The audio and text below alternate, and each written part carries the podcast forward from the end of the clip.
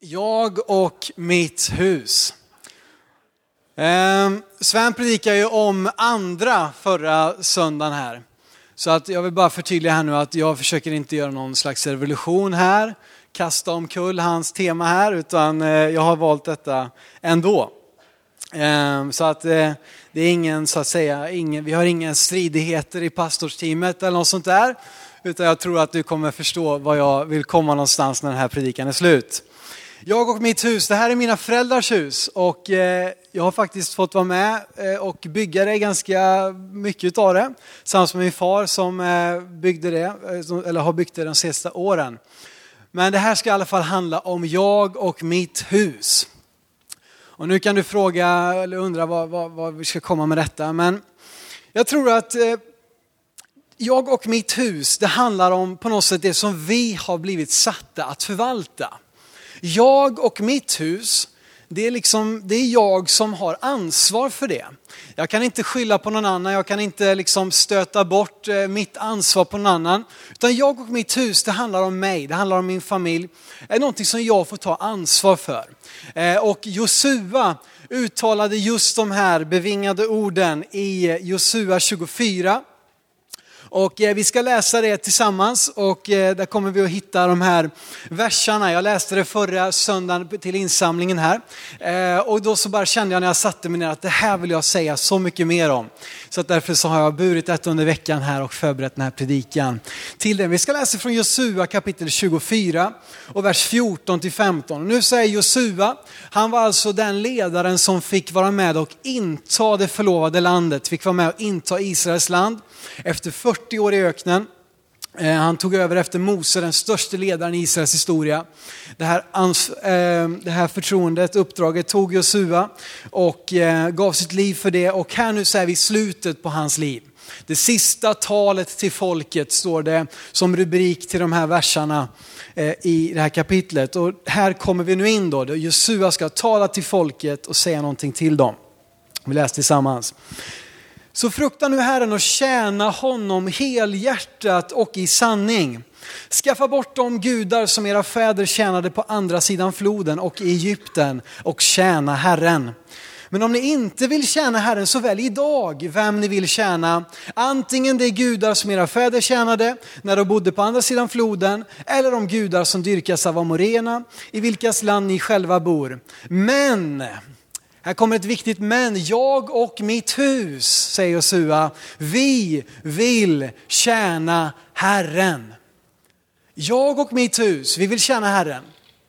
Josua är tydlig med vad han uppmuntrar dem till att göra. Han säger till att börja här, tjäna honom helhjärtat och i sanning. Och nu när det står Herren med stora bokstäver, i flera, eh, i flera översättningar så står det Herren med stora bokstäver för att betona att här är det Guds liksom förnamn som används, Javé, Jehova eller YHVH som eh, de skriftlärda använde för att de inte ville ta hans namn på sina läppar. Så använder man det här ordet, det här namnet utan vokaler eh, för, i respekt för detta. Det är den guden, det är den Herren som vi talar om här och ingen annan. Jehova själv. Han säger tjäna honom helhjärtat och i sanning. Josua har en agenda, han har ett, ett, en uppmuntran till dem. Men han säger också, ni får välja. Men välj. You gotta have to serve somebody. Du måste tjäna någon. Men jag och mitt hus, vi vill tjäna Herren. Och med det sagt så skulle jag vilja säga till vissa av er här inne att det är dags att växa upp. Det är dags att liksom sluta sådär, va, gå och så sticka fingrarna ner i kakburken och sen säga nej jag har inte tagit någonting. Det är dags att liksom börja växa upp och ta ansvar. Det är ganska vanligt idag att man gömmer sig eh, ifrån ansvar. Man vill inte bli vuxen. Jag vet inte om ni såg på när Berg flyttade in till eh, Markoolio den eh, speciella artist som eh, där uttryckte det som att han ville aldrig bli vuxen. Det var först när han fick en egen son, eh, eller son tror jag det var, eller om han var dotter, men först när han fick sitt eget barn som han insåg att okej, okay, jag måste nog börja bli lite vuxen här. Han bara gjorde det som han kände för, han köpte det han ville ha, eh, liksom parta loss hur mycket som helst och ville inte ta ansvar och sa vad han ville utan att tänka på konsekvenserna och vad för signaler det sände. För att han sa det som han själv uttryckte då, jag vill inte bli vuxen, jag vill vara barn resten av livet. Och så där kan vi också vara som kristna. Att vi vill liksom aldrig ta det där nästa steget. Vi håller på och står och vippar och sådär på kanten. Men vet du vad, jag tror att det är dags att växa upp. Och ett av de sakerna vi kan göra det är att säga, jag och mitt hus vill tjäna Herren och börja leva efter det, börja ta beslut efter det, börja prioritera sin tid efter det och börja planera sin ekonomi efter det. För att vi skyller så lätt ifrån oss. Men vad jag och mitt hus handlar om, det är vad du har blivit satt att förvalta. Och gillar detta för att det här är inte så att ja, jag och mitt hus, det, du måste inte äga ett hus, det förstår du, men du och ditt hem, det som du har, det som du äger. Vad gör du med det? Vad sätter du efter den rubriken? Jag och mitt hus, punkt, punkt, punkt. Fundera på den en liten stund. Kanske skulle gå hem och fundera på det ikväll eller under veckan här. Jag och mitt hus, punkt, punkt, punkt. Och säg nu inte bara vill tjäna Herren för att du har lärt dig det i söndagsskolan att det är det rätta svaret. Men fråga dig själv, jag och mitt hus, punkt, punkt, punkt. Vad är det vi vill göra? Vad är det vi vill ta beslut om? Det här är ett nytt år, det är den andra söndagen det här året och det är en perfekt tid att fatta beslut för det som ligger framför. Det är på något sätt något, någonting fräscht, någonting, eh, det, det är så fullt av möjligheter ett nytt år. Så varför inte börja det här året med att ställa just den frågan. Jag och mitt hus, punkt, punkt, punkt. Och har du en fru eller, eller familj eller så, så kanske att ni skulle prata om det tillsammans som familj fråga er, vad vill vi göra? Vad vill vi ska känneteckna vårt liv? Ehm, och Josua, han tog ställning som ledare. Han var ledare för ett folk och han visade ett exempel. Han sa, ni är själva ansvariga och ni tar egna beslut, men här har ni ett exempel att följa. Och jag tror att Josua har någonting att säga till oss också idag. I december så predikade jag också en hel del om Josua och jag gör det igen. För att det är en fascinerande man som har så mycket att lära oss. Vi ska se nu tillsammans ett antal grejer som vi kan lära oss av Josua. Vi ska börja med att läsa i andra Mosebok kapitel 17 och ska vi se tre stycken saker som jag tycker kännetecknar Josua. Ett exempel som han sätter i vad det innebar detta. Jag och mitt hus, vi vill tjäna Herren, det kan, man, det kan innebära en väldig massa olika saker. Men nu ska jag lyfta fram tre saker i Josuas liv som jag tror visar oss vad detta också betyder i praktiken. Skulle jag kunna få min vattenflaska där bara. Andra Mosebok kapitel 17, vers 9 till 13 och vi hoppar lite däremellan. Eh, någon vers där. Här är första gången vi möter Josua och det står så här. Då sa Mose till Josua, välj ut manskap åt oss och drag ut i strid mot Amalek. Imorgon ska jag ställa mig överst på höjden med Guds stav i handen. Josua gjorde som Mose hade sagt till honom och stred mot Amalek. Och Josua besegrade Amalek och hans folk med svärd. Vi hoppar över ett par verser där som just handlar om Mose och vad han gjorde med sin stav. Där han blev, de hjälpte honom att hålla uppe händerna. Eh, och det är en fantastisk berättelse i sig. Men nu så vill vi se lite på just Josua. Josua gjorde som Mose hade sagt och stred mot Amalek och besegrade honom. Josua var en stridsman. Här är första gången vi läser om Josua i Bibeln. Och vi förstår utav sammanhanget att, att eh, även om han är ny för oss i bibelberättelsen så har han varit med ett tag. Lite längre fram i fjärde Mosebok så står det att han, tjänade, han hade varit Mose tjänare sedan sin ungdom. Så att förmodligen så handplockade Mose honom tidigt i hans liv och började träna upp honom, började eh, undervisa honom, utbilda honom, ge honom råd, visa honom ett exempel. Och här nu när vi möter honom för första gången i andra Mosebok 17 så är han redan Mose general. Han var den som eh, full, fullbordade Mose order. Han gjorde det som han blev tillsagd. Jesua var en stridsman. Och vet du vad, det här agerandet som Josua visar på och det förtroendet som han får, det visar för mig att han var överlåten. Josua var en överlåten människa. Först och främst till sin Gud. Till Gud, den här Herren som vi pratade om. Det var först och främst Herren han var överlåten till. Men han var också överlåten till sitt folk. Han stod med i vått och torrt. Och vi kommer se senare att han, trots att han en gång blev sviken rejält av folket, så fortsatte han att gå med folket. Han fortsatte ända tills det där vi läste här precis på början, i slutet av hans liv, så var han överlåten till Gud, till sitt folk och vi ser också att han var överlåten till Mose, sin ledare. Det står att han gjorde så som Mose hade sagt. Och det talar någonting om oss. Och ni vet att en god stridsman är alltid underordnad. Är det någonstans som det finns ordning och reda så är det inom militären. Att man vet vem man lyssnar på. Och eh, man vet att jag ska lyssna på den som, som, har, eh, som, som har blivit satt att vara min ledare. Jag tror att det är någonting vi har att lära oss faktiskt. Att det är så väldigt rädda ibland för ledare i vårt land. Och kanske särskilt här i Skandinavien. Jag vågar nog säga det efter att ha fått resa lite grann och även eh, lyssna till andra som har liknande erfarenheter. Att vi är ganska rädda faktiskt ibland för ledarskap. Men jag tror att genom hela Bibeln så får vi en undervisning, vi får ett exempel att faktiskt stå med. Det betyder inte att, att vi behöver hålla med om precis allting. Det betyder inte att vi inte ser några fel hos våra ledare, kanske tvärtom. Eh, men vi står ändå med, vi är ändå underordnade eh, och vi är överlåtna till den ledare som Gud har satt över oss. Och det kan du se genom hela Bibeln. David är ett av de bästa exemplen. Till och med Saul som var ett riktigt praktsvin alltså. Fortsatte David att tjäna och visa respekt och underordna sig även fast han ville ta hans liv. Så att däremot de ställena där vi ser att man på ett felaktigt sätt sätter sig upp emot ledare så har vi exempel som Absalom, Davids son, som gjorde uppror mot sin far och mot sin familj och som det inte slutade väl. Jag tror att Josua har ett exempel att visa här att han var en stridsman. Han var under, underordnad, han var överlåten till sitt folk och han stod med i vått och torrt. Och det är som när man eh, kör dragkamp vet ni. Jag tycker den här bilden är ganska talande. Här har vi några som står och drar för glatta livet och vi kan ana att det är ungefär lika många, lika starka som står på andra sidan. Vi har en som står och hejar på, som pushar sitt lag. Och sen har vi ett antal personer till på den här bilden som står med sina mobiler, som står och funderar, står och tittar, ja, står och säkert analyserar. Nej, det är inte riktigt rätt taktik det här, han håller ju fel den där, det ser jag va. Och sätter ner fötterna fel och du kan inte komma till sån här dragkamp med sådana där skor. Du vet, vi kan vara åskådare eller vi kan vara deltagare. Och jag skulle önska till dig eh, att du skulle vara en deltagare, inte minst i den här församlingen.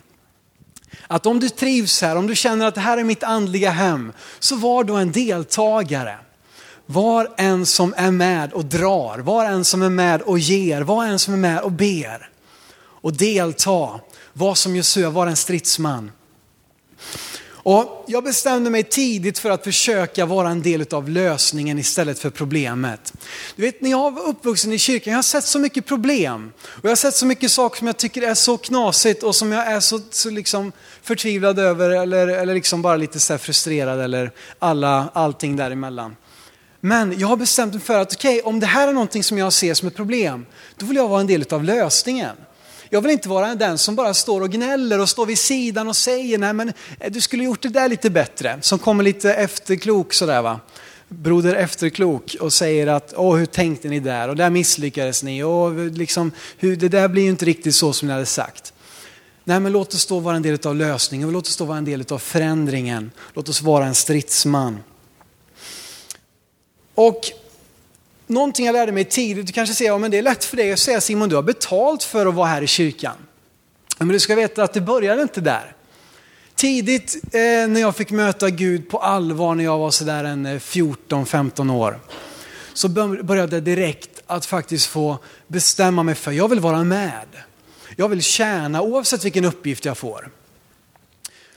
Och jag är tacksam för att det är någonting som har hållit och jag är övertygad om att allt det där, från att jag fick vara med i ungdomssamlingarna i Jo Pingstkyrkan när jag växte upp och fick resa runt i appellen och sjunga med ett gäng halvfalska, nej de var inte falska, det var lite falskt ibland, sången, men det var mycket hjärta.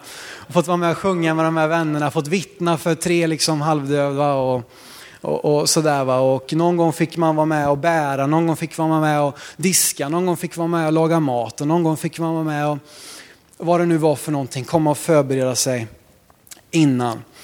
Den första gången jag var här i kyrkan på allvar, då spenderade jag fyra dagar här.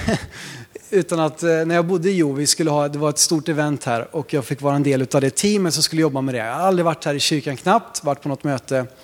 Men jag fick vara med och fick ha en uppgift. Och jag kom hit och sa att okej, okay, får jag vara med? Jag lär mig. Jag visste ingenting om, om någonting som har med det här att göra, teknik och projektor och, och något sånt. Men jag sa att här har jag två händer, jag vill vara med och hjälpa till. Och jag och min kusin, vi bodde här nere i LPs lilla expedition, vi sov i en dubbelsäng där som fanns där då. Vi drog en t-shirt över någon kudde vi hittade och så sov vi där i tre, fyra nätter och vi luktade så illa. Men vi var här och vi tjänade med glatt hjärta. Jag vet inte hur många timmar vi la den där veckan. Vi fick vara en del av det som sen skulle ske då på lördagskvällen eller vad det var för någonting. Jag fick vara med och tjäna. Så var delaktig och var överlåten. Och du ska se att Gud kommer att leda dig framåt. Vi ser det, en sanning som vi har läst flera gånger vet jag här i predikan sista tiden här från första Petrusbrevet kapitel 5 och vers 5 till 6. Och här så ser vi en sanning som kan lära oss någonting väldigt bra. Och det står så här, från 1 Petrus vers, kapitel 5, vers 5-6. Likaså ni yngre underordna er de äldre och ni alla klä er i ödmjukhet mot varandra. Ty Gud står emot de högmodiga, men de ödmjuka ger han nåd. Ödmjuka är alltså under Guds mäktiga hand, så skall han upphöja er när hans tid är inne. Här lär oss en sanning om att vara underordnad, att vara delaktig. Var med och tjäna. Underordna dig de som har blivit satta att vara dina ledare. Och du kommer se att när du gör det med en trogen inställning, en trogen attityd så kommer Gud att upphöja er när hans tid är inne. De högmodiga står Gud emot. När vi står och säger, slår oss för bröstet, jag är för bra för den här församlingen. Jag är för bra för den här uppgiften. Det är det första beviset och det enda beviset som behövs att säga att precis motsatsen är bevisad. Att du är för liten för den uppgift du har, för att du har inte lärt dig att tjäna, även om det kanske är någonting som du ser som litet. Bibeln lär oss också detta om att vara trogen i det lilla så ska vi sättas över mycket. Var med och tjäna och Gud ska upphöja oss när hans tid är inne. Och om det innebär att jag får vara med och tjäna i en uppgift som aldrig syns och som aldrig är här uppe på scenen och får stå och liksom stråla, vad säger, sola sig i strålkastarna här framme. Så må det vara så. Men jag vill tjäna Herren med ett ödmjukt hjärta och han får bestämma när jag ska bli befordrad eller om jag inte ska bli det. Han får bestämma när det är dags att gå vidare eller inte. Josua var en stridsman. Låt oss också vara det. Vara delaktiga och vara överlåtna. Vad kan vi lära oss mer då? Jo, Josua var en gudsman. Och eh, i andra Mosebok 24 så är eh, Mose på väg upp på berget Sinai. Vi är här mitt under ökenvandringen. Eh, Mose ska gå upp på berget Sinai för att ta emot budorden, för att ta emot lagen ifrån Gud själv. Ehm, och i början av kapitlet där så tar han med sig 70 av de äldste. Josua var en av dem, han var med i det gänget. Och så gick de upp på berget. Men sen när Moses skulle gå ända upp och möta Herren själv och tala med dem ansikte med ansikte, då fick alla gå hem, förutom en person. I eh, Andra Mosebok 24, vers 13 står det så här. Att då gav sig Mose av tillsammans med sin tjänare Josua och Mose steg upp på Guds berg. Har ni sett detta någon gång förut? Vi talar ofta om att eh, Mose är den enda som har varit ansikte med ansikte mot Gud. Men hur långt han nu följde med, men Josua följde med en bit. Kanske att han höll sig i bakgrunden, kanske att han fick stanna en bit därifrån, vad vet jag. Men han var den enda som fick finnas i närheten av det som hände där uppe på, på berget. Det varför då? Jo, därför att han hade visat sig, tror jag, trofast. Han var att lita på Josua. Och han var den enda som fick följa med Mose upp på Guds berg. Och vi ser också i kapitel 32 när de är på väg ner att han måste ha varit med där under alla 40 dagarna. För att när de är på väg ner så dyker Josua upp igen. Under ett antal kapitel har det bara handlat om Mose och Gud. Men så när de är på väg ner i lägret så dyker Josua upp och säger, det låter som stridslam där nere i lägret och så vidare. Men hur som helst så verkar det då som att Josua varit med där under alla de här 40 dagarna. Ganska intressant grej. Och likaså så fick han vara med Mose i uppenbarelsetältet. Det var det som fanns innan tabernaklet, men det fanns ett uppenbarelsetält där Mose var den enda som fick gå in. Eh, och där så samtalade han med Gud ansikte mot ansikte. Ehm, men det fanns en person som fick vara med. Och ni har redan gissat det, men det var såklart Josua. I andra Mosebok 33 och vers 11 så står det så här. Herren talade med Mose ansikte mot ansikte där inne i uppenbarelsetältet då. Som när en man talar med en annan. Sedan vände Mose tillbaka till lägret, men hans tjänare Josua, Nuns son, som var en ung man, lämnade inte tältet. När Mose var färdig, när han hade liksom sagt sitt, när han hade säkert varit där, vad vet jag, timmar eller vad det nu var för någonting. Och när han gick tillbaka till lägret så ville Josua vara kvar. Han sa, åh vad underbart, jag, kan, jag, jag, jag vet de där minnena från möten, från stunder med Gud. Då jag har känt att, åh låt det här aldrig ta slut. Jag kan sitta här hela kvällen, hela dagen. Och tänk om man fick bära med sig den här känslan, den här mättade atmosfären av Guds närvaro hela livet. Josua måste ha känt samma sak när han stannade kvar i tältet för att spendera tid tillsammans med Gud. Josua var en Guds man. Och eh, jag tror att exemplet detta blir i våran tid är att prioritera våran tid med Gud. Prioritera tid med honom. Och jag ser alltid min gudsrelation på två sätt. Som att dels har jag min privata tid med honom. När det är bara jag och Gud och det är underbart. Det är sån förmån att få spendera tid med Jesus. En liten stund med Jesus och vad den jämnar allt. Så är det som den gamla sången går vet ni. Och det är så sant. En liten stund med Jesus, om det så är fem minuter, tio minuter, trettio minuter. Den kan betyda allt för en hel dag. Men jag har också en gemensam gudsrelation med min, mina syskon i Herren. Och framförallt med er, ni som är min församling. Att jag får vara en del utav den här församlingen. Och jag tycker det är lika härligt och lika viktigt att också få dela min tro tillsammans med andra. Framförallt här på söndagar på gudstjänsten, men också i hemgruppen och på andra samlingar vi har. Men jag vill inte ta bort det ena eller det andra. Och jag tror inte att det ska vara så, utan jag tror att de här två bitarna behöver få finnas på plats. Min egna tid med Gud och också min tid med Gud tillsammans med min församling i gudstjänsten och hemgruppen och så vidare. Och därför vill jag prioritera det. Jag tror framförallt anledningen till att Josua fick lära känna Gud, det var att han gav tid till det.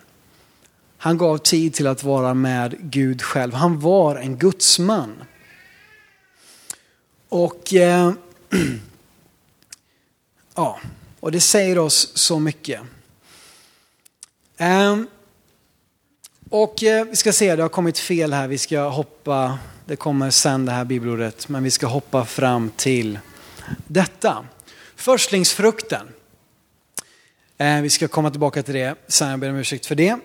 Men om det då är så att jag vill prioritera tid med Gud, om det är så att det är viktigt för mig, så tror jag också att det är viktigt att han får det bästa. Om Herren, om Gud är min Herre, om han dessutom är Herren i mitt liv, så är det inte bara så att han får bottenskrapet eller han får överflödet.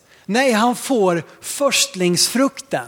Och det kanske är ett begrepp som vi inte riktigt använder oss av idag, men som var väldigt självklart för eh, Israels folk som höll på med jordbruk och annat, som det här var en vardag för. Att när man sådde någonting och skörden kom, så den första skörden man tog in, det första och bästa, det gav man till Herren. förstlingsfrukten. Att bära fram det första, det bästa och när man själv behöver det som mest. Du vet när, frö, när skörden väl kommer, då kanske det har varit en tid då man har fått leva på skorpor och vatten.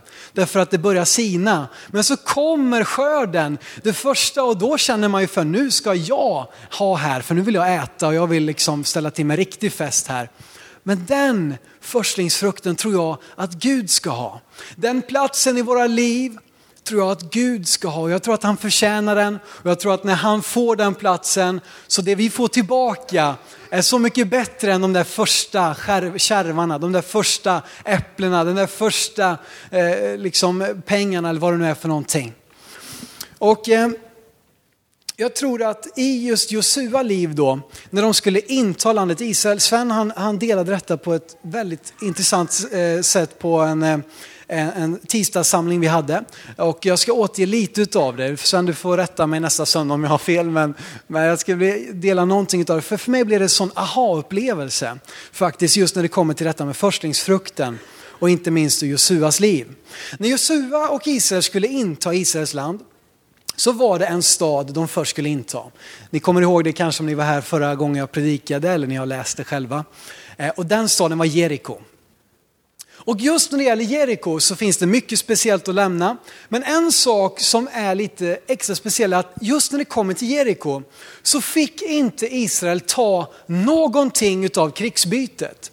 Det var ju annars så att när man drog ut i krig så det som man kom över utav boskap, utav ägodelar, utav vapen och allt vad det var, det tog man som sin lön ungefär. Men när det kommer till Jeriko så står det mycket mycket tydligt. Och till och med så tydligt att Josua påminner dem precis när, innan de ska springa in och inta staden, att ta ingenting utav det tillspillogivna. Ta ingenting utav krigsbytet, det som annars är våran rätt så att säga. Utan det tillhör Herren. Vi kan läsa om det i Josua kapitel 6. Men sen i resten av landet så fick de ta som vanligt då. Va? Och de fick mer än vad de någonsin hade fått bara i den staden Jeriko. Och det här lär oss någonting just om detta med förstlingsfrukten. Och det lär oss någonting också om tionde. Att få visa eh, vårat beroende av Gud, vi får visa vem som är Herre i våra liv med våra ägodelar. Och det gäller såklart vår tid och så, men jag skulle också vilja bara nämna någonting kort om vår ekonomi. Att få ge utav eh, vår ekonomi till Herren själv. Jag tror att det han ska ha det är förstlingsfrukten.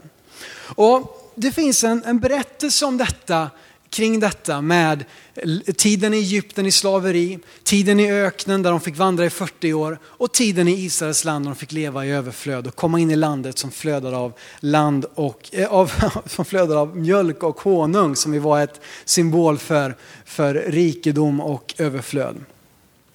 Och Egypten i slaveriet det var landet brist. Där så hade de inte så att det räckte. De levde i slaveri. De, de fick knappt så att, de, så att de hade mat för dagen. De fick slita, de var bundna. Och så är det också tiden innan vi lär känna Jesus. Att på ett eller annat sätt så blir vi bundna, vi kan bli fasthållna utav det som finns omkring oss. Vi lever i brist. Men så går de igenom Röda havet, de blir befriade, de blir frälsta, räddade utav Gud och kommer ut i öknen i landet nätt och jämnt. Där hade de så att det räckte. Där behövde de inte fundera någon dag på eh, liksom sin mat. De fick manna, men bara manna så att det räckte för dagen. De fick inte bunkra någonting, de fick inte lagra någonting. De hade skor på sina fötter som inte slets ut, men de hade inte överflöd på skor. De hade nätt och jämnt, de hade så att de klarade sig, men inte mer än så. Och så kan det också vara i våra kristna liv. Att vi kommer in, vi får ta emot frälsningen ifrån Gud och så kommer vi in då i, i landet nätt och jämnt. Och men Guds plan för våra liv är att vi ska få leva i landet överflöd, i Israels land. Det förlovade landet, det utlovade landet. Det är hans tankar för våra liv. Inte att vi bara ska ha nätt och jämnt eller så att vi klarar oss, utan att vi ska kunna ha överflöd. Alltså att vi ska kunna dela med oss av det vi har. Vi har mer än vad bara vi behöver så att vi kan ge vidare till andra. Och vägen in i landets överflöd går genom Jeriko. Och vad var Jeriko en symbol för? Jo, förstlingsfrukten. Så att jag tror att detta är en bild, en liknelse av vad tiondet faktiskt kan betyda i våra liv. Att när vi ger utav vår ekonomi och våra pengar och vi ger inte bara det som råkade bli över eller det som, det som finns liksom längst ner i spargrisen. Utan vi ger, vi sätter aktivt av pengar för att ge till Guds verk, till Guds församling. Så leder det in i landet överflöd. Och jag tror att det är en sanning och jag vill inte säga detta med någon slags tvång, jag vill inte säga detta med någon, alltså känner du ingen glädje över att ge, så ge inte. Men om du längtar efter det här livet, om du längtar efter att få leva det överflödande liv som Gud har tänkt så tror jag att tiondet är en viktig del. Det är en förbundshandling. Att få säga till Gud, Gud, du, all min ekonomi är, är din. Och därför på det sättet ger jag nu utav förstlingsfrukterna, ger utav det som du har lovat mig. Och därför skulle jag också vilja uppmuntra dig att kanske fundera det här året. Ska jag vara med och ge regelbundet? Har jag försummat detta? Är jag nöjd med det? Ja visst, då fortsätt med det. Men om du längtar efter mer, om du säger att jag vill komma vidare i mitt, i mitt kristna liv så tror jag faktiskt att ekonomi är en viktig del. Och jag tror att tiondet är en biblisk princip som vi kan få leva i. Och jag och Karo under hela tiden vi har varit gifta så har vi bestämt oss för att tionde det ger vi oavsett.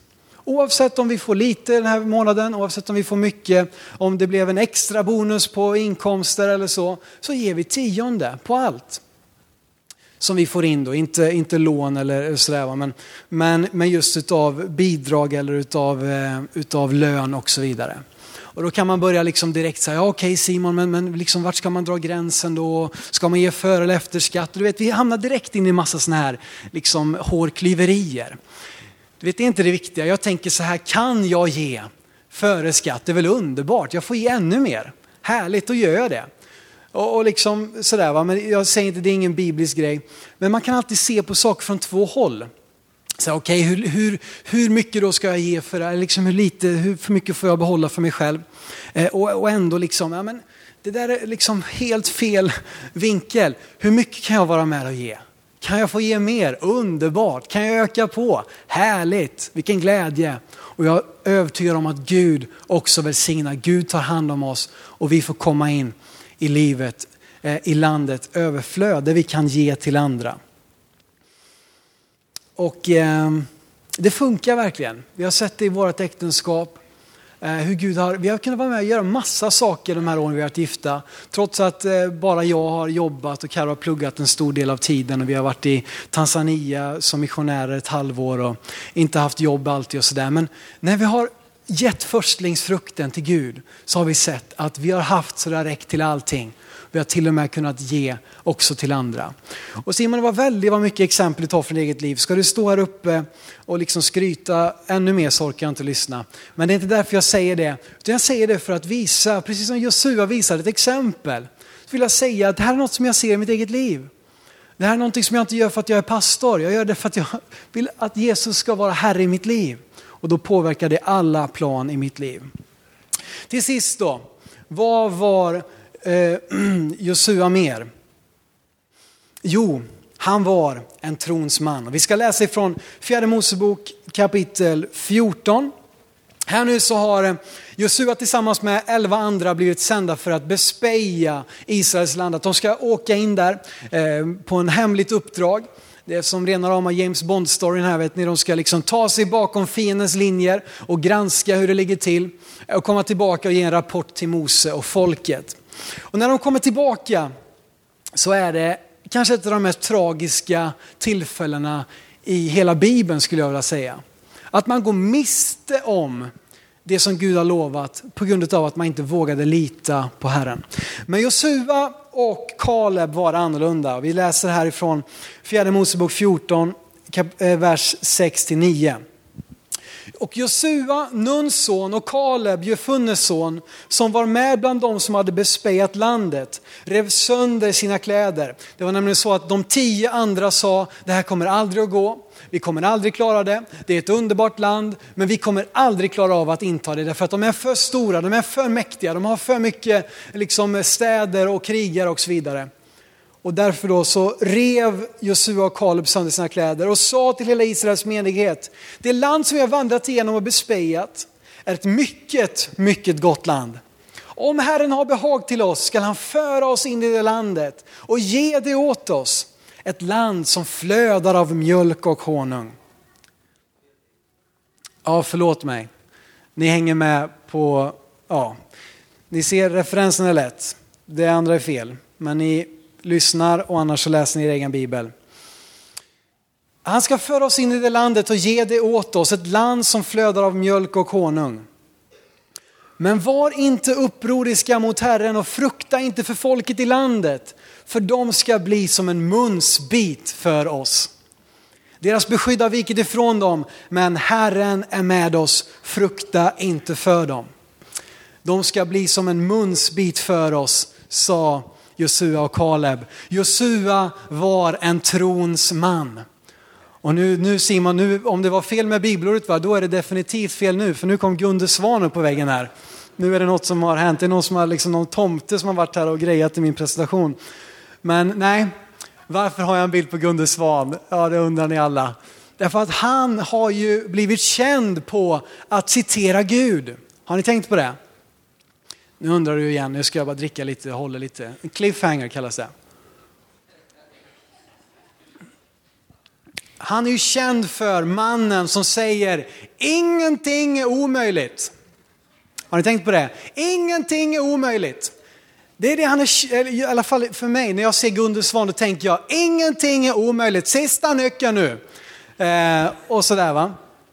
Och Gunde Svan, vet du, jag, jag, jag, undrar om han någon gång har gett cred till Gud för att ha gett honom detta uttrycket, detta citatet att leverera ut och leva efter. Därför att det står ju, hela Bibeln är full av det. Varenda evangelium så står det, ingenting omöjligt för Gud, för honom är allt möjligt. Det som är omöjligt för människor är möjligt för Gud. Och Gunde Svan, han var, han är skulle jag säga en trons man. Alltså trots att han, Eh, visst det kanske inte liksom, jag säger inte nu att, att eh, ja, allt vad han står för är bra och sådär va. Men just denna inställning, ingenting är omöjligt. Det är en underbar inställning. Som jag bara, åh jag vill ha den. Och ni vet själva, ni som är gamla, ni såg honom när han såg ut sådär i Sarajevo 1984. Eh, när han var i sin storhetstid. Eh, och sen så, eh, ni som är gamla, jag, Sven och andra här som, som tillhör den generationen, som har barn som är över 20 år. Då är man gammal Sven. Jag får passa på att säga det nu när jag har micken här framme. Nästa gång är det för sent kanske, vem vet. Nej men vet du vad, Josua, han var en trons man. När alla andra sa det går inte, visst det vore underbart, det låter härligt men det kommer aldrig att gå. Då sa han det går visst det. Tala tro, tala tro. Och eh, det står så här i eh, Hebreerbrevet 10, vers 25. Att eh, utan tro är det omöjligt att behaga Gud. Ty den som kommer till Gud måste tro att han är till och belöna dem som söker honom. Tro är det enda språket som Gud talar. Tro är det enda språket som Gud talar. Se de ställena när människor kommer till tvivel, med tvivel till Gud. Det är helt okej att göra det. Men Gud svarar alltid med tro. Gud svarar alltid med en lösning, en möjlighet, en väg framåt. Och här står det också svart på vitt, utan tro är det omöjligt att behaga Gud. Vi måste tro att han är till och belöna de som söker honom. Så låt oss tala tro, låt oss tala positivt. Låt oss tala väl om vår församling. Låt oss tala väl om våra vänner och syskon i församlingen. Låt oss inte använda vår tid och vårt inflytande till våra vänner som vi har runt omkring oss åt att snacka skit. Säga varför hade han de där kläderna på sig idag eller åh varför sa han det där. låt oss istället få tala tro in i människors liv. Vi har alla så mycket fel att vi skulle kunna ägna resten av den här dagen åt att rabbla upp dem. Vi kan börja med mig. Vi kommer färdiga klockan åtta ikväll när alla har sagt sitt. Men låt oss istället tala tro. Låt oss tala det som lyfter människor och det som tar oss vidare eh, uppåt och framåt. Ehm, Jag inser att min tid rinner ut här. Eh, men det jag vill säga då till slut är, tjäna Herren. Jag skulle vilja slänga upp en grej här också. Du säger, du har sagt så mycket Simon vi ska göra. Men jag vill säga ett citat som jag tycker är väldigt bra. When the why is high, the cost is low. Och nu, nu fattar ingen här, men när drivkraften är hög är priset lågt. Det är en lite haltande översättning. Men när det vi gör är av stor betydelse, då är priset lågt. Då är det ingenting att bara få ge en tiondel av det man då skulle ha. Det är ingenting att ta och gå upp tidigt på söndag morgon och ta sig till gudstjänst. Det är ingenting därför att drivkraften är hög. Syftet är större och det är av stor betydelse. Och då är det ingen match.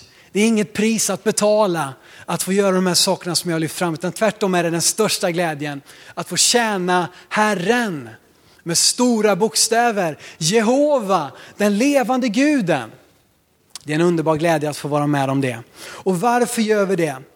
Just det här året då? Jo, därför att vi vill se åtminstone 30 människor bli döpta det här året. Det vore väl underbart? Det är därför vi gör det. Det är det som är drivkraften.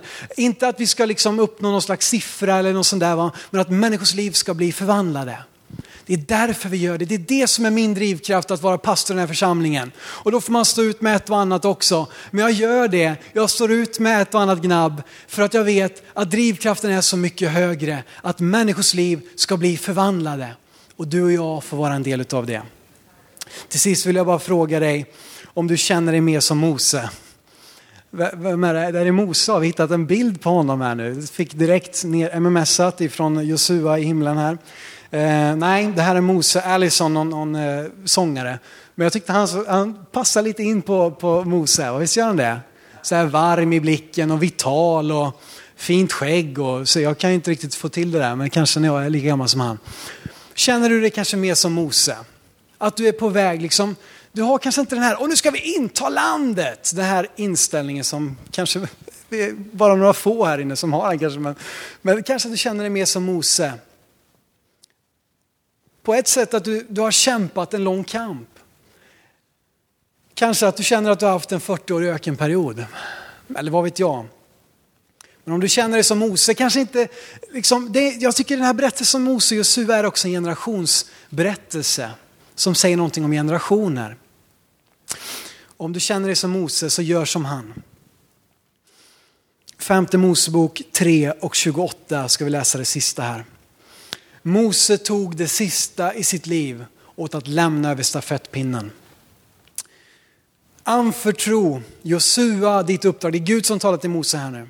Anförtro Josua ditt uppdrag och styrk honom och ge honom ord.